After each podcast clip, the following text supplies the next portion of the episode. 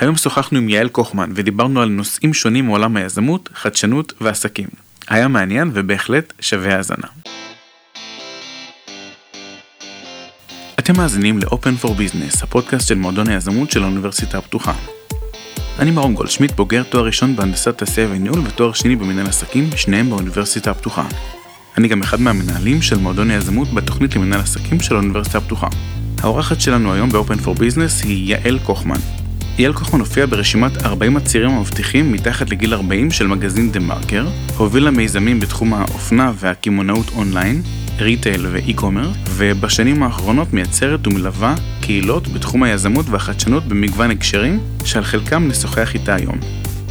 יעל, ברוכה הבאה לפודקאסט. תודה, שמחה להיות כאן. העונג כולו שלנו, יש משהו שחשוב לך להוסיף? לא יודעת כמה אני מלווה קהילות אה, חדשנות, אבל כן אה, מלווה ארגונים גדולים, אה, בעיקר חברות קורפורט, גם בארץ וגם בחו"ל, בכל מה שקשור לחדשנות פתוחה או חדשנות משתפת, היום קוראים לזה כל מיני שמות, ועבודה עם סטארט-אפים. בסדר גמור, לגבי הליווי של הקהילות, אז לא התייחסתי למשהו פורמלי, אלא יותר דיברתי על על כל הפעילות ו- ועל איזה master class פרויקט שאת שותפה בו ונדבר על זה בהמשך, כל מיני הרצאות או דברים כאלה, זה גם חלק מבנייה של קהילה, גם אם את עוזרת לאנשים אחרים למעשה לבצע את זה. לגמרי. אז uh, לפני שניגש לעניינים מה שנקרא, בואי נכיר אותך עוד טיפה. ספרי לי בבקשה על שני רגעים מהחודש האחרון, אחד uh, יותר חיובי ומשמח והשני אולי מאתגר או קשה. אוקיי, okay, טוב, החודש האחרון הוא באופן כללי מעורבב אצלי קצת אה, ב- בשמחה וגאווה מצד אחד וקצת עצב, כי בעצם בסוף השבוע הזה אני מסיימת את התפקיד שלי בקוונטומה, מקום שהפך לי לבית בשנה האחרונה, אה, ששם בעצם אה, הקמתי שתי תוכניות. אה, תוכנית אחת נקראת קוונטום ספארק, והיא תוכנית אה, שבעצם מחברת אה, חברות קורפרט גדולות, גם בארץ וגם בחו"ל. אה, עם סטארט-אפים בתחומי האוטומוטיב, לוגיסטיקה, אה, ייצור ואנרגיה. אה, והתוכנית הזו בעצם ממש בשבוע שעבר התחילה את המחזור השני שלה, וזה היה מאוד מאוד משמח. מצד שני, להיות באירוע פתיחה של תוכנית שאני בניתי, ובעצם לא להיות חלק מאותו מחזור שני, זה, זה לא היה פשוט. אז כן, אז זה, זה, זה ממש מתערבב. למה את מסיימת את הדרך שם? אמ, פשוט אמ, שינוי אישי בקריירה. אוקיי, בסדר גמור, fair enough. יש משהו מהתקופה האחרונה שהיית עושה אחרת אם היית יכולה? טוב, זה נורא קל להגיד, אה, להגיד בדיעבד, כן? אבל אמ, מה הייתי עושה אחרת? כן, אומרים שבדיעבד רואים 6-6. לגמרי. מה הייתי בדיעבד עושה אחרת? אה, האמת שלא מהזמן האחרון, זאת אומרת, אין לי איזה משהו כרגע בזמן האחרון שאני יכולה להגיד שהייתי עושה אחרת. אה, אם אני אחשוב על משהו בהמשך, אז אני אנסה להוסיף. משהו שאמרת ולא היית צריכה להגיד, משהו שלא אמרת וכן רצית להגיד? שאלות קשות. לא אמרתי שיהיה קל. משהו שאמרתי ולא הייתי צריכה להגיד. אה, זה ששאלתי פעם אה, שותף פוטנציאלי באמצע פגישה אם הוא נשוי, כי רציתי לשדך אותו לחברה שלי, זה נחשב. אין ספק שכן. כל החדר העדים, כאילו, זה היה, כן, זה היה חתיכת uh, קטע. מדהים. והוא היה נשוי, אז אפילו לא יצא לי מזה כלום. דוגמה מעניינת לישראל לחוצפה, כמו שאומרים. לגמרי. יש משהו שאנשים לא יודעים עלייך והיית רוצה שידעו? קשה לא לדעת עליי דברים, לפחות ברמה המקצועית, כי נראה לי שכל החיים שלי בלינקדין ובגוגל. אה, ברמה, ברמה האישית, אני חושבת שמאוד אה, חשוב לי לאזן בין אה, החיים הפרטיים והמקצועיים. אני חושבת שבאמת כל העולם הזה של, של יזמות, של חדשנות, הוא עולם שמאוד מאפשר את זה, כי זה לא שאני הולכת לעבודה רגילה ואני קמה בתשע בבוקר, ואני נכנסת למשרד בתשע בבוקר ויוצאת בחמש או בשש בערב, אלא הכל נורא נורא מעורבב, ואני יכולה בבוקר לקחת את הילדים לגן, ואחרי זה פעם, פעמיים בשבוע ללכת לחדר כושר, ואז לעבוד, ואז להפסיק ולהיות עם הילדים, ולחזור עוד פעם לעבוד בערב, וזה הכל ככה מתערבב אה, אחד בתוך השני. אה, ובאמת יש לי שלושה ילדים אה, מקסימים שאני נורא נורא גאה בהם, ולאחרונה צרפנו למשפחה גם אה, גורה, כלבה, אז בכלל שמח אצלנו. וזהו, אני חושבת שבאמת מאוד חשוב, עם כל הקרייריסטיות והיעדים וה-KPIs והזה והזה, באמת לזכור שבסוף זה רק עבודה וזה חלק מהחיים, זה לא החיים, ובאמת לראות איך אנחנו משלבים את הכל ביחד ונותנים עדיפות בזמן הנכון לדבר הנכון, אם זה הזוגיות, אם זה המשפחה, אם זה המשפחה המורחבת. תחביבים למי שיש לי, יש פחות, אבל... באיזה גילים הילדים? הגדול בן עשר. הבן שלי, קצת אחרי שהוא נולד, הייתי בחופשת לידה, ואז פתחתי בעצם את הסטארט-אפ הראשון שלי. אז הוא גדל ביחד, ביחד עם הסטארט-אפ, היה איזה שבוע שהשקנו את, ה, את המיזם ולא לא ראיתי אותו באותו שבוע, אבל חוץ מזה בעצם זה הסתדר יחסית בסדר. הייתה שנה קשוחה מאוד. ואחרי זה יש לי את ליה שהיא בת שבע, וכשבעצם ילדתי אותה עבדתי בסטארט-אפ אחר, סטארט-אפ שלא היה שלי, ובחופשת לידה של הקטן פתחתי את החברה, את ריטק בעצם, שפתחתי אותה לפני ארבע וחצי שנים, אז אני תמיד צוחקת ואומרת שעם כל, עם כל ילד גידלתי גם סטארט-אפ. אז אם יהיה לך ילד נוסף, אני אדע שאת עובדת גם על משהו חדש. ילד לא יהיה, אבל אולי משהו חדש תמיד אי אפשר לדעת, אני תמיד פתוחה. בסדר גמור. דיברת קודם על האיזון בין עבודה לחיים, מה שנקרא Work-Life Balance. או יש... Life-Work Balance. אהבתי. יש לך איזה טיפ מהניסיון שלך למי שלא יודע מה הסוד לאיזון הזה? אחד, סדרי עדיפויות. זאת אומרת, כל דבר אפשר למצוא לו את הזמן אם מגדירים שהוא חשוב. ופשוט לנהל, לנהל לוחות זמנים. זאת אומרת, אני כל החיים שלי מנוהלים בקלנדר, יש לי שלושה קלנדרים שונים, יש לי קלנדר לדיי ג'וב שלי, שזה בעצם קוונטומה, ויש לי קלנדר אישי, שהוא משותף עם הבן זוג שלי, ויש לי קלנדר לכל הדברים, לכל הפרויקטים שאני עושה, הרצאות, כל מיני דברים וכולי. כל הקלנדרים האלה מסונכנים אחד עם השני, את כולם אני רואה אחד מהשני ויכולה לנהל אותם ביחד, ואם אני מחליטה שחשוב ללכת פעמיים בשבוע לחדר כושר, אז אני שמה את זה ביומן, וזה זמן של חדר כושר, ואי אפשר לעלות עליו במשהו אחר, אלא אם כן זה משהו דחוף.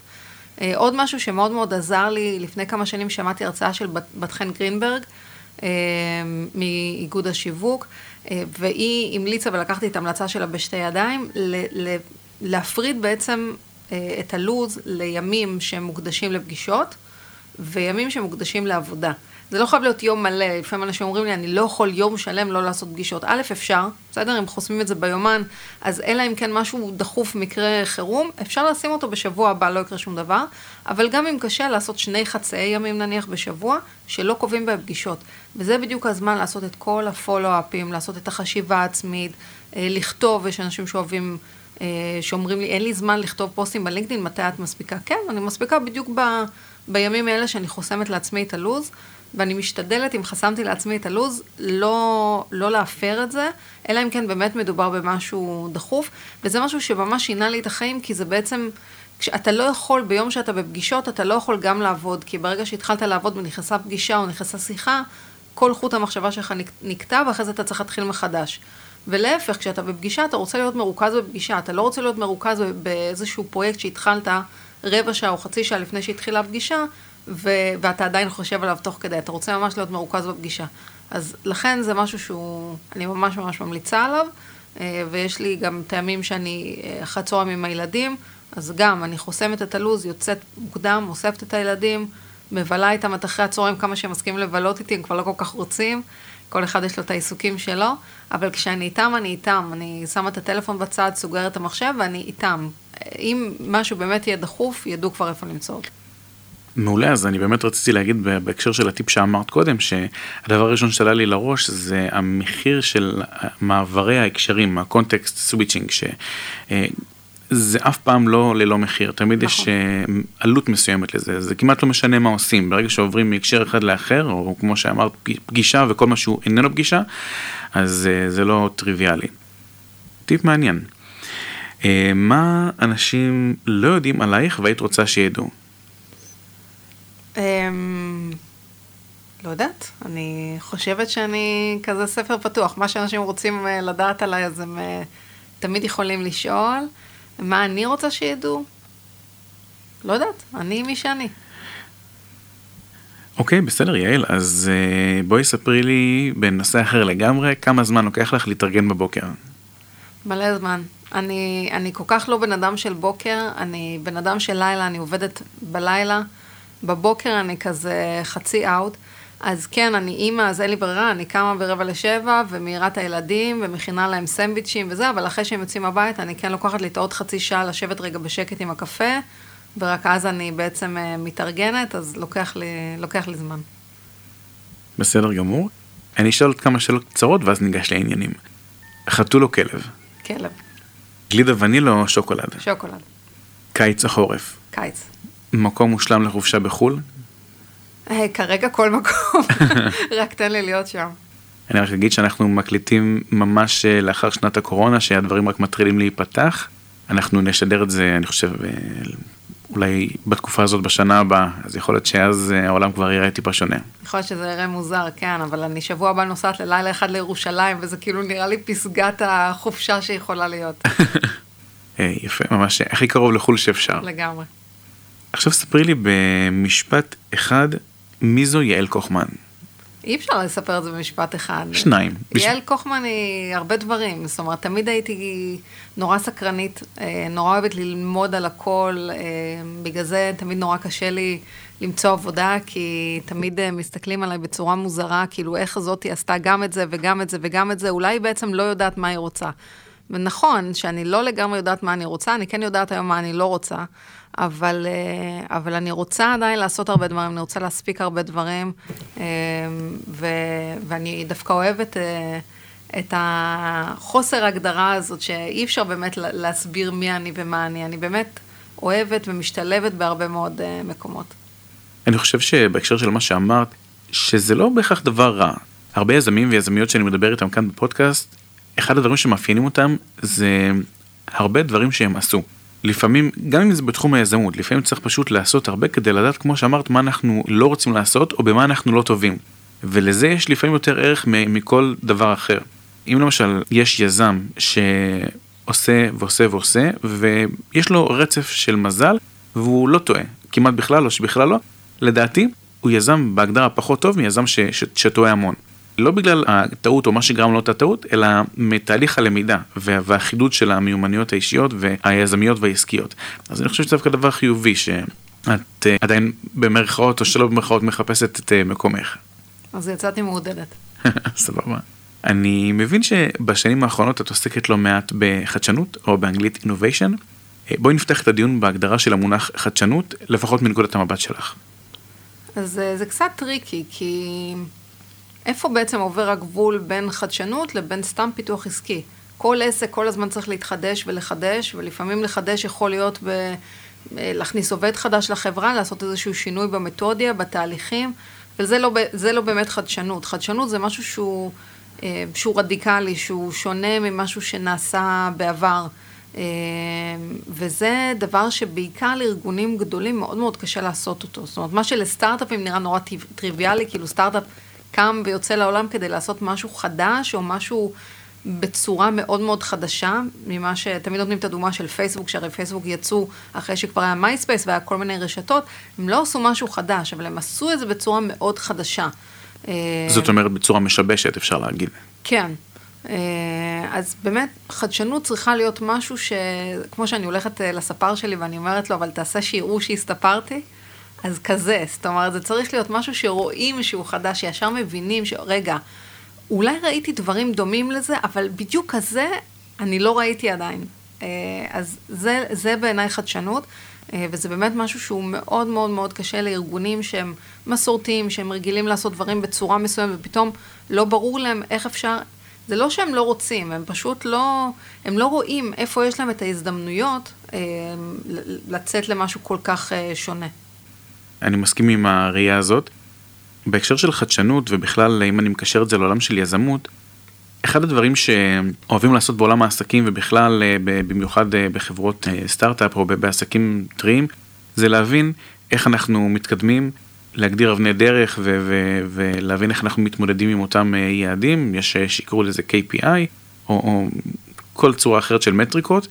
גם חדשנות, אם נתייחס אליה כמוצר, היא משהו ש... אולי צריך לדעת איך להתייחס אליו.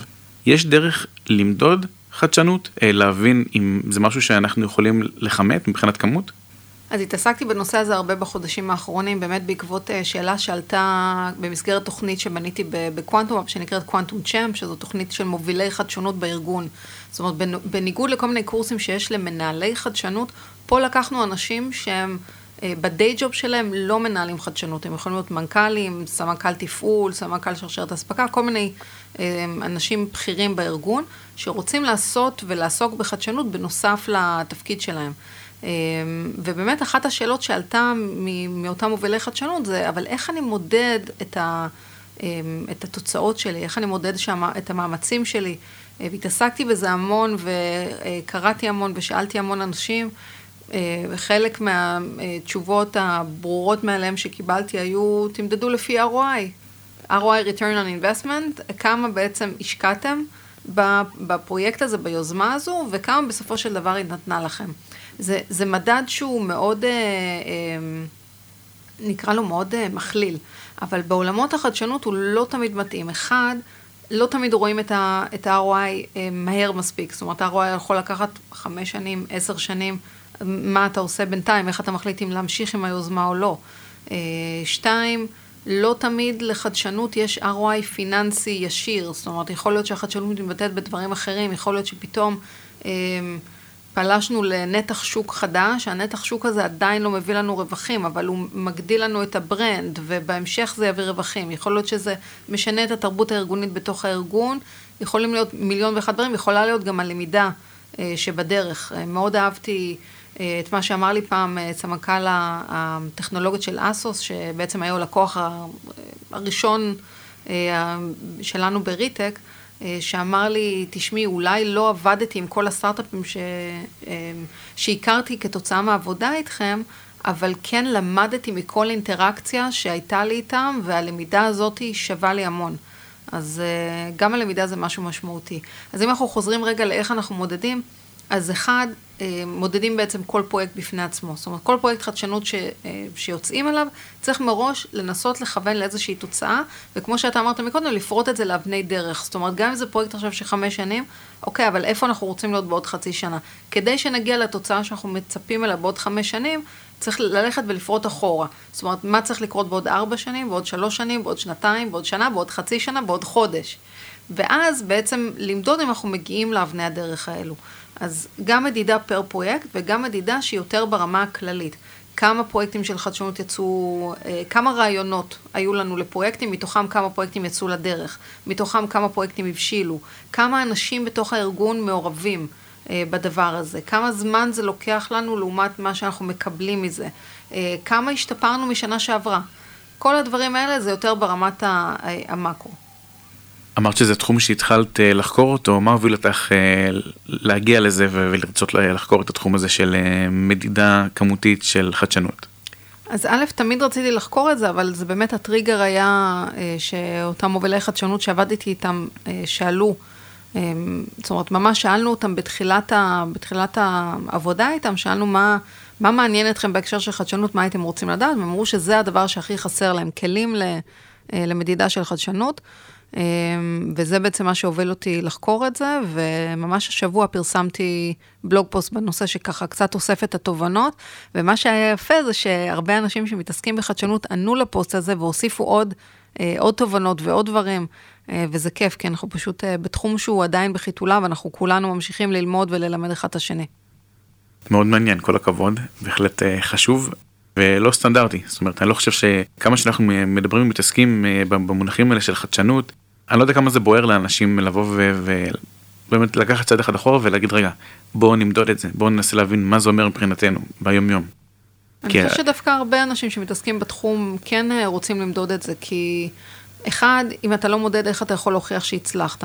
כן. אה, ושתיים, גם אנחנו אנשים נורא הישגיים, ואם אנחנו לא, זאת אומרת, אם אנחנו עכשיו מתעסקים בחדשנות שאנחנו נראה את התוצאות שלה רק בעוד חמש שנים, אנחנו חייבים להרגיש שאנחנו מצליחים בדרך ושיש משהו שבעצם דוחף אותנו קדימה, ומכאן שחייבים למדוד כל הזמן. לא, אין, אין ספק, אני פשוט מתייחס לזה שלהרבה אנשים אולי נוח להתייחס לחדשנות כבאזוורד, או כמשהו שאוהבים להגיד שיש להם, או שאין להם, או שיש להם יותר מאחרים, נכון. ופחות במה זה אומר. זה לגבי זה. בואי נדבר על ריטק. הזכרנו את זה בכמה מילים קודם. בשנת 2017 את ושותפה למעשה הקמתם, או שהיא הקימה ואת הצטרפת?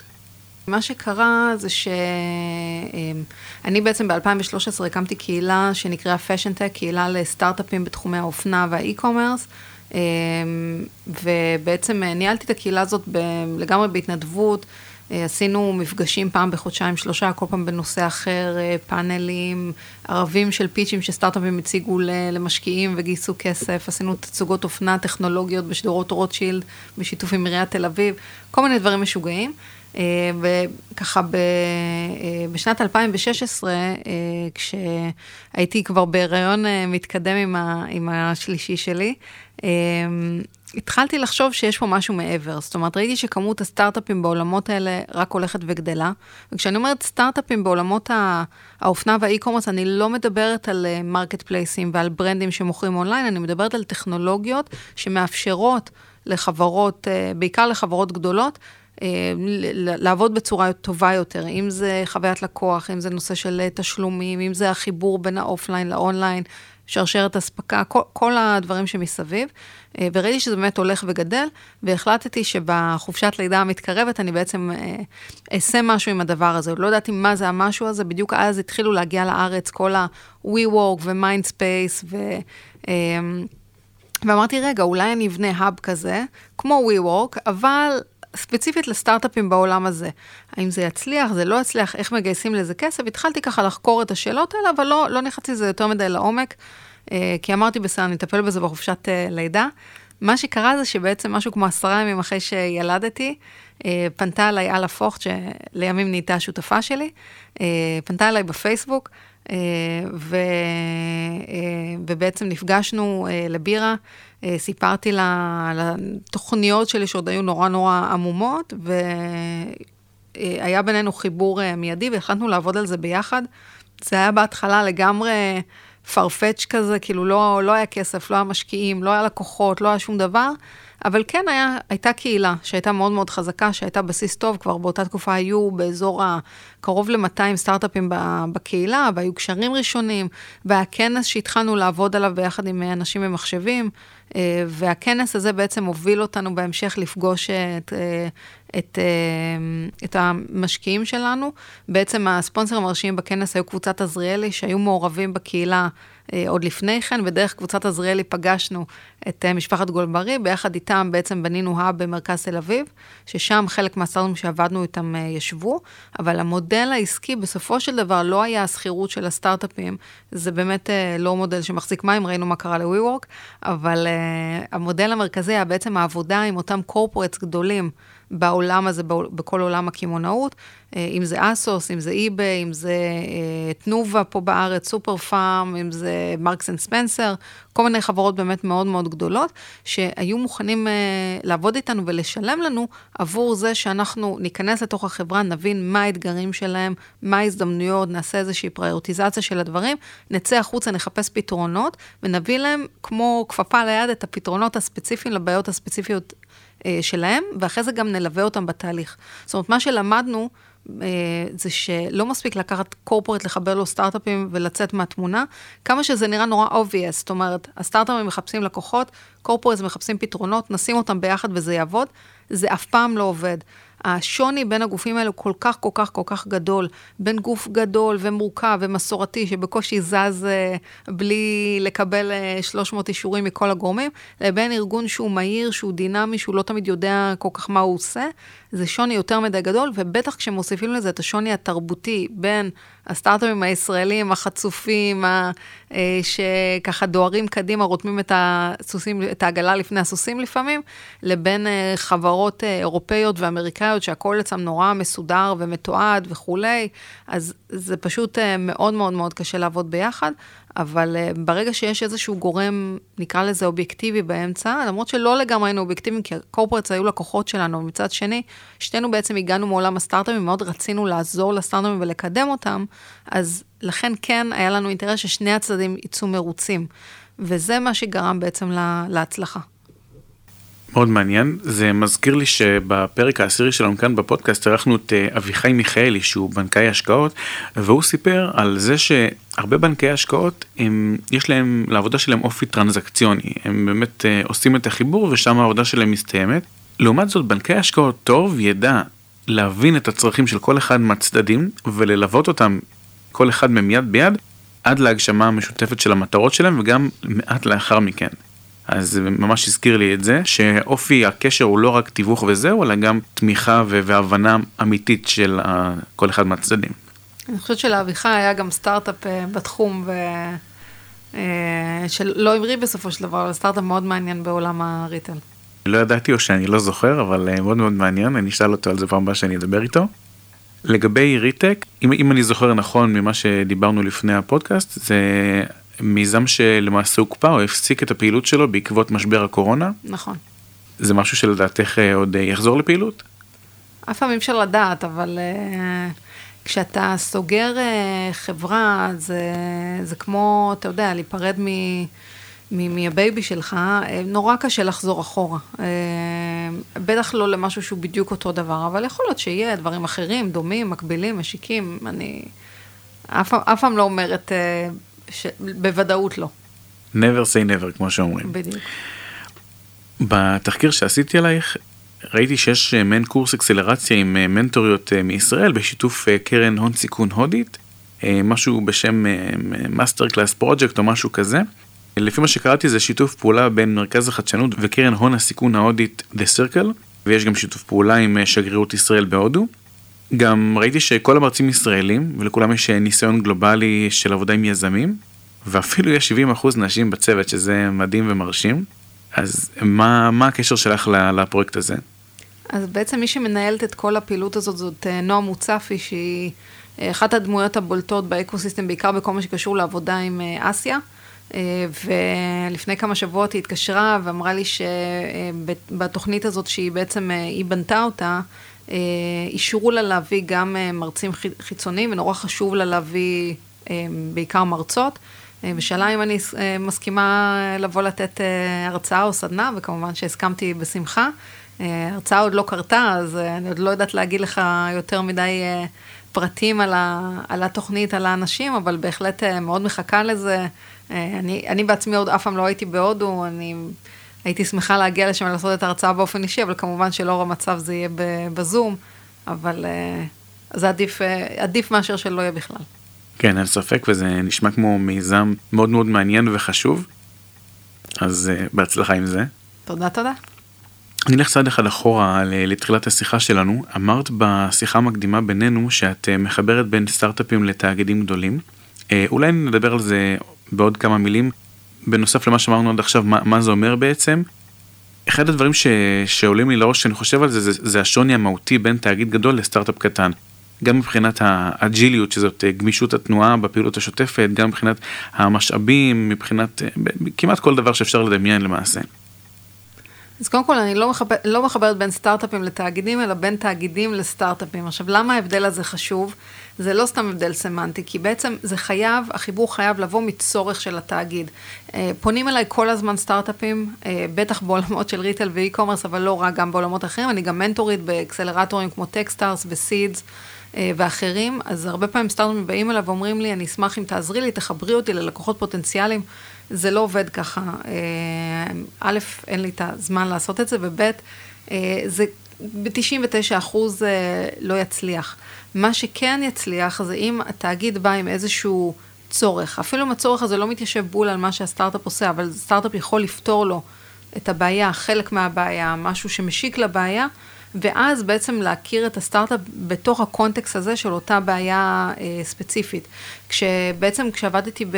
כשהיה לנו את Re:Tech, אז אה, היינו אוספים סוג של רשימת צרכים מה corporate, זה לא, זה לא פשוט כמו שזה נשמע, זאת אומרת, זה לא שהם שולחים עכשיו רשימה של צרכים באימייל, הרבה פעמים זה דורש כמה שיחות ופגישות כדי להגיע איתם לאותם צרכים, כי הם לא תמיד יודעים, כמה שזה נשמע מצחיק, הם לא תמיד יודעים עד הסוף מה, מה הם צריכים ומה הם מחפשים, אבל ברגע שיש את הרשימת צרכים, היינו יוצאים החוצה לחפש את הפתרונות, ותמיד הרשינו לעצמנו משהו כמו 20% מה, מהפתרונות להביא כאיזשהו wild card. אה, זאת אומרת, דברים שאולי הם לא חשבו עליהם, כי אה, אתה לא יודע מה שאתה לא יודע. זאת אומרת, אה, אתה יכול לבקש רק דברים שאתה מודע אליהם. למשל, הבאנו פעם אחת ל ASOS חברה שמתעסקת ב-customer journey, ופותרת בעיה שהם בכלל לא ידעו על קיומה. וברגע שהם ראו את המצגת, והסטארט-אפים הגיעו בצורה מאוד מאוד אה, חכמה, ושמו אה, שקף גדול עם טבלת אקסל, הם בעצם לקחו, ASOS חברה ציבורית, לקחו את הנתונים של ה traffic שלה, הראו להם כמה traffic הם כנראה בממוצע מאבדים כתוצאה מהבעיה, וכמה רווח הם יכולים לעשות אם הם ישתמשו במוצר שלהם. ברגע ש ASOS ראו את זה, הם אמרו, it's a no-brainer, we want this. אמנם לקח אחרי זה עוד חצי שנה עד שניסו את הטכנולוגיה, ראו שזה באמת עובד ו- וחתמו, אבל בסופו של דבר נחתם חוזה של מיליון פאונד לשנה. וואו. אז אה, כן, ו- וזה היה משהו שהם בכלל לא, לא ביקשו אותו, כי הם לא היו מודעים לבעיה. אז אנחנו כן תמיד משאירים לעצמנו את הפתח הקטן הזה, אבל בגדול משתדלים ברוב המקרים לענות uh, על הצורך של, ה- uh, של התאגיד. עכשיו, ברגע ש... עוד פעם, ברגע שענינו על צורך, אז אנחנו כבר יודעים לא רק שיש בעיה, אנחנו גם יודעים מי האונר של הבעיה, זאת אומרת, אנחנו יודעים מי הבן אדם שצריך את הפתרון הזה, מי הולך לעבוד עם הסטארט-אפ אה, כדי אה, להטמיע, אז אה, כל הדברים נהיים אחרי זה יותר קלים, ועדיין, כמו שאמרת, בגלל השונות הגדולה הזאת, זה לא מספיק רק לעשות את החיבור, אלא באמת צריך ללוות את שני הצדדים תוך כדי התהליך, צריך ללמד את הסטארט-אפים איך עובדים עם קורפורט. וזה שקורפורט לא ענה לך שבועיים למייל, אה, למרות שראית שהוא פתח את המייל שלך, כי היום הרי אנחנו יכולים לראות גם מי פותח את המיילים שלנו, זה לא אומר שהוא לא מעוניין. זאת אומרת, יכול להיות שהוא כרגע פשוט מתעסק בדברים אחרים, הוא שם את זה בצד.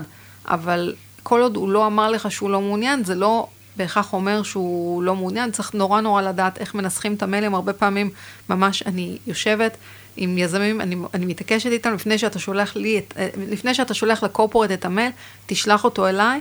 אני ממש משכתבת להם את המייל בצורה מאוד מאוד uh, ברורה, מאוד לעניין. האנשים שעובדים בקורפורט הם אנשים בדרך כלל בכירים, מאוד מאוד עסוקים, אין להם זמן לקרוא מגילות. מצד שני, אתה גם כן צריך ב space מאוד מאוד קטן להספיק אה, להסביר להם מה ה-value ומה הצעדים הבאים, ולשים בסוף איזשהו call to action. זאת אומרת, הרבה פעמים אני רואה מייל, מיילים של סטארט-אפים ששולחים אחרי פגישה עם אה, לקוח פוטנציאלי, שולחים חצי עמוד של סוג של סיכום של מה שהם עושים.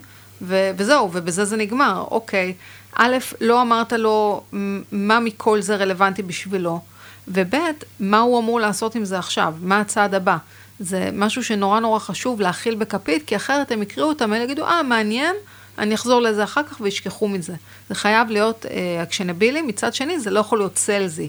זאת אומרת, השיטות של המכירות של פעם, של להגיד, מתי אתה פנוי לשיחה, בשלישי או ברביעי? זה לא עובד, בסדר? צריך להיות הרבה יותר רכים, הרבה יותר מנומסים, להסביר להם ש, ש, שהם ייתנו את ה-availability שלהם ואנחנו נתאים את עצמנו. לפעמים קצת להיות, אה, לעשות טריקים ולהגיד, אה, אה, בעוד, בעוד שבועיים יש לי נסיעה מתוכננת אה, לארה"ב, לאזור שלך, אולי ניפגש, הם כנראה יסכימו. אז יש הרבה דברים שאפשר לעשות כדי בעצם לקדם את התהליך בצורה יותר אה, מהירה. בהחלט החכמתי. ציינתי את Techstars אה, ואת סידס. בפרק הראשון שלנו אירחנו את אה, עמית שמני מ Bridgify והוא גם היה באחד המסלולים של Techstars לפני כמה שנים או שנתיים. שנה שעברה. שנה שעברה, כן, איך הזמן עובר, זה מרגיש כמו כמה שנים. וגם את uh, גדי מיקלס, סמנכ"ל חדשנות באי-ביי שהוא קשור לסידס. נדמה לי שהוא היה בפרק 4. וגדי גם היה לקוח שלנו בריטק. כן, קראתי את זה בתחקיר עליו, נכון, שכחתי לציין את זה קודם. גדי מדהים אגב, הוא גם, אה, הוא גם דיבר בכל הכנסים שלנו וגם אה, עוזר לסטארט-אפים על ימין ועל שמאל ובאמת אה, עושה המון בשביל, ה, בשביל האקוסיסטם, גם במרכז פרס, גם בסיז, גם בהרבה מקומות. הוא גם עוזר בחיבור בין ערכים מיזמים לבין אנשים מהפריפריה ומאוד מאוד מדהים וכל הכבוד לו. בסדר, רק לפני שנסיים, הזכרנו קודם את קוונטום צ'אמפ. Mm-hmm. אני מבין שזו תוכנית של מובילי חדשנות. אמרת קודם ש... שקשורים לתוכנית אה, מנכ"לים ו... ומנהלים נוספים אה, שהם בכירים. בארגונים אה, גדולים. חשוב אולי לציין שאותם אנשים הם לרוב לא מנהלי חדשנות. נכון. והאינטראקציה שלהם עם התוכנית היא למעשה להעמיק את, ה... את הידע שלהם וגם לרכוש כלים נוספים שבאמצעותם יכולים לקדם חדשנות בארגון. אולי תוכלי לספר בכמה מילים על הקשר שלך לתוכנית? בטח, אז בעצם קוונטום צ'מפ היא תוכנית של, של קוונטום האב. קוונטום האב זה בעצם מרכז החדשנות של קבוצת uh, תעבורה לבנת, בשיתוף עם יונדאי, VDL ותדירן, אבל בראש ובראשונה המרכז שייך לקבוצת תעבורה לבנת, זו קבוצה שיש לה מעל ל-100 חברות בנות, בעיקר בישראל, גם חלק מהפעילות היא באירופה, באפריקה, אבל 95% מהפעילות היא בישראל. בבעלות הקבוצה צי המשאיות הכי גדול ב... בישראל, קבוצת הלוגיסטיקה הכי גדולה בישראל ו- ועוד uh, המון המון uh, עסקים. Uh, ובעצם מה שרצינו לייצר זה פלטפורמה ל... Uh, אגב, ברוב, חברות, ברוב החברות של הקבוצה, למעט אחת, אין מנהל חדשנות מוגדר. זאת אומרת, אין מישהו שמנהל את החדשנות, יש את המרכז, את קוונטום, שעוזר מבחינת החדשנות, ו, ובעצם יש את דרור דותן, שהוא היה מנהל החדשנות הקונצרני של כל הקבוצה אה, הוא סיים את תפקידו וכרגע אין בעצם אה, מחליף, אבל לחברות הבנות עצמם אין מישהו מוגדר שמוביל את החדשנות. אה, ובעצם כשאנחנו בקוונטום התחלנו לעבוד עם החברות הבנות, גילינו שיש שם קבוצה של אנשים סופר סופר מוכשרים ומאוד פתוחים לחדשנות. אה, אבל אחד, נורא קשה לנתק את האנשים האלה מהיום-יום שלהם. בסוף אם אתה מנכ"ל או סמנכ"ל בחברה, יש לך אחריות מפה ועד להודעה חדשה, יש לך לו"ז צפוף אה, שאי אפשר להכניס עליו גפרור, ואיפה תכניס חדשנות בכל, ה, בכל הדבר הזה. עכשיו, אפשר להגיד להם, תשמעו, אנחנו רוצים שכל חברה תמנה מנהל חדשנות. אחד, לא בטוח שיש להם את היכולת לעשות את זה. שתיים, יש דווקא אה, הרבה מאוד אה, יתרונות בלקחת אנשים שהם מהשטח, שהם לאו דווקא מנהל חדשנות, אלא מישהו שחווה את העבודה ממש ביום-יום, מחובר לארגון, לא רק דרך החדשנות, אלא דרך העשייה היומיומית. ולכן החלטנו שהדבר הכי טוב זה דווקא לא למנות מנהלי חדשנות במקרה הזה, בגלל שיש גם גוף חיצוני, זאת אומרת, אני חושבת שכל חברה מסדר גודל מסוים ומעלה צריכה שיהיה לה איזשהו גוף או ארגון או מנהל חדשנות. במקרה הזה, בגלל שיש גוף חדשנות של הקבוצה, זה בסדר שלחברות הבנות אין, אבל אה, החלטנו להגדיר מובילי חדשנות בתוך הקבוצה. אה, ופנינו בעצם למנכ"לים של החברות הבולטות בקבוצה, 15 חברות אה, בתוך הקבוצה, וביקשנו מכל מנכ"ל להגדיר אה, מוביל חדשנות שיגיע לתוכנית וימשיך בעצם לעסוק בחדשנות גם אחר כך. חלק מהמנכ"לים החליטו לקחת את האחריות הזאת על עצמם, וחלק מינו אנשים אחרים בארגון. ובעצם אספנו את אותם 15 מובילי חדשנות לקורס של חמישה מפגשים. שהם היו מפגשים פרקטיים. בעצם כל מפגש הסתיים במשימה שהם היו צריכים לעשות לקראת המפגש הבא. במפגש הראשון למדנו איך בכלל אה, מזהים אה, אתגרים ובעיות בתוך הארגון, איך מזהים הזדמנויות, אה, ואז שלחנו אותם לראיין אנשים בתוך הארגון ולחזור אלינו עם בעיות. זאת אומרת, היה להם שבוע ללכת לראיין את האנשים ולחזור עם בעיות. בשיעור השני בעצם למדנו איך... אמ, איך מבודדים כל בעיה, איך מתעדפים, איך מחליטים איזה בעיה לבחור בה, ואיך מאתרים פתרונות לאותה בעיה, ואז שלחנו אותם לבחור אחת מהבעיות שהם הציגו אה, ולמצוא לה אה, פתרונות אפשריים. במפגש הבא כבר הם היו צריכים לבנות תוכנית אה, POC, זאת אומרת, אוקיי, מצאתי פתרון, איך אני הולך ליישם אותו בארגון, ובמפגש האחרון הם ממש הציגו כבר את כל הפתרון המלא בפני כל ההנהלה של הקבוצה, בפני אחד עם השני, וזה היה אירוע סופר סופר אה, מרגש, כי זה באמת לא טריוויאלי לקחת עכשיו מנכ"לים וסמנכ"לים בחברות הובלה, בחברות לוגיסטיקה. זה לא אה, האנשים שביום יום אתה חושב שהתעסקו בפרויקטים האלה, הם עשו עבודה מדהימה. ובאמת היה, היה עונג גדול ללוות את הקבוצה הזאת. זה מאוד מעניין מה שאת אומרת, במיוחד המודל של קירוב החדשנות לארגון. זה מזכיר לי שדיברתי באחד הפרקים הקודמים עם אה, נילי גולדפיין מנירם גיטן, היא מדברת הרבה על הנושא של חדשנות אה, ושל אה, עולם בהפרעה ו disruption וכל הדברים האלה. אחד מהמונחים שהיא השתמשה בהם בהקשר של ניהול בעולם החדש זה הנהלת צללים ומנטורינג הפוך, שלמעשה הם מקרים שבהם ההנהלה לוקחת נציגים מהשטח ובאמצעותם הם, הם לומדים על דברים שאחרת לא היה להם יכולת לדעת. אז אה, מסתבר שגם אה, חדשנות אה, זה משהו שאפשר ללמוד מהשטח. מאוד חשוב ומאוד מעניין. יעל, תודה רבה שבאת. תודה לך, היה כיף. היה באמת כיף ומעניין ולמדתי המון. בין הדברים שלמדתי זה שאפשר למצוא חדשנות בהרבה מקומות, אפשר למצוא יזמות בהרבה מקומות, ובהרבה מהמקרים, אם לא בכולם, רצוי לשלב בין השניים. כל הכבוד על העשייה שלך ומה שנקרא עלי והצליחי ושיהיה המון המון בהצלחה וכל הכבוד. תודה, תודה רבה. אז ספרו לנו מה חשבתם על הפרק. יש שאלות היכרותי מהמרואיינים שהייתם מוסיפים, מורידים, משנים? משהו שאולי הייתם רוצים לשאול את יעל? ספרו לנו בקבוצת הפייסבוק שלנו, מועדון היזמות של האוניברסיטה הפתוחה, הקבוצה. לינק לקבוצה נמצא בתיאור הפרק. אתם האזנתם לפרק נוסף של Open for Business, הפרק הוקלט באולפני האוניברסיטה הפתוחה בכפר הירוק. על הסאונד, אורי דגני. תודה, ונשתמע בפרק הבא.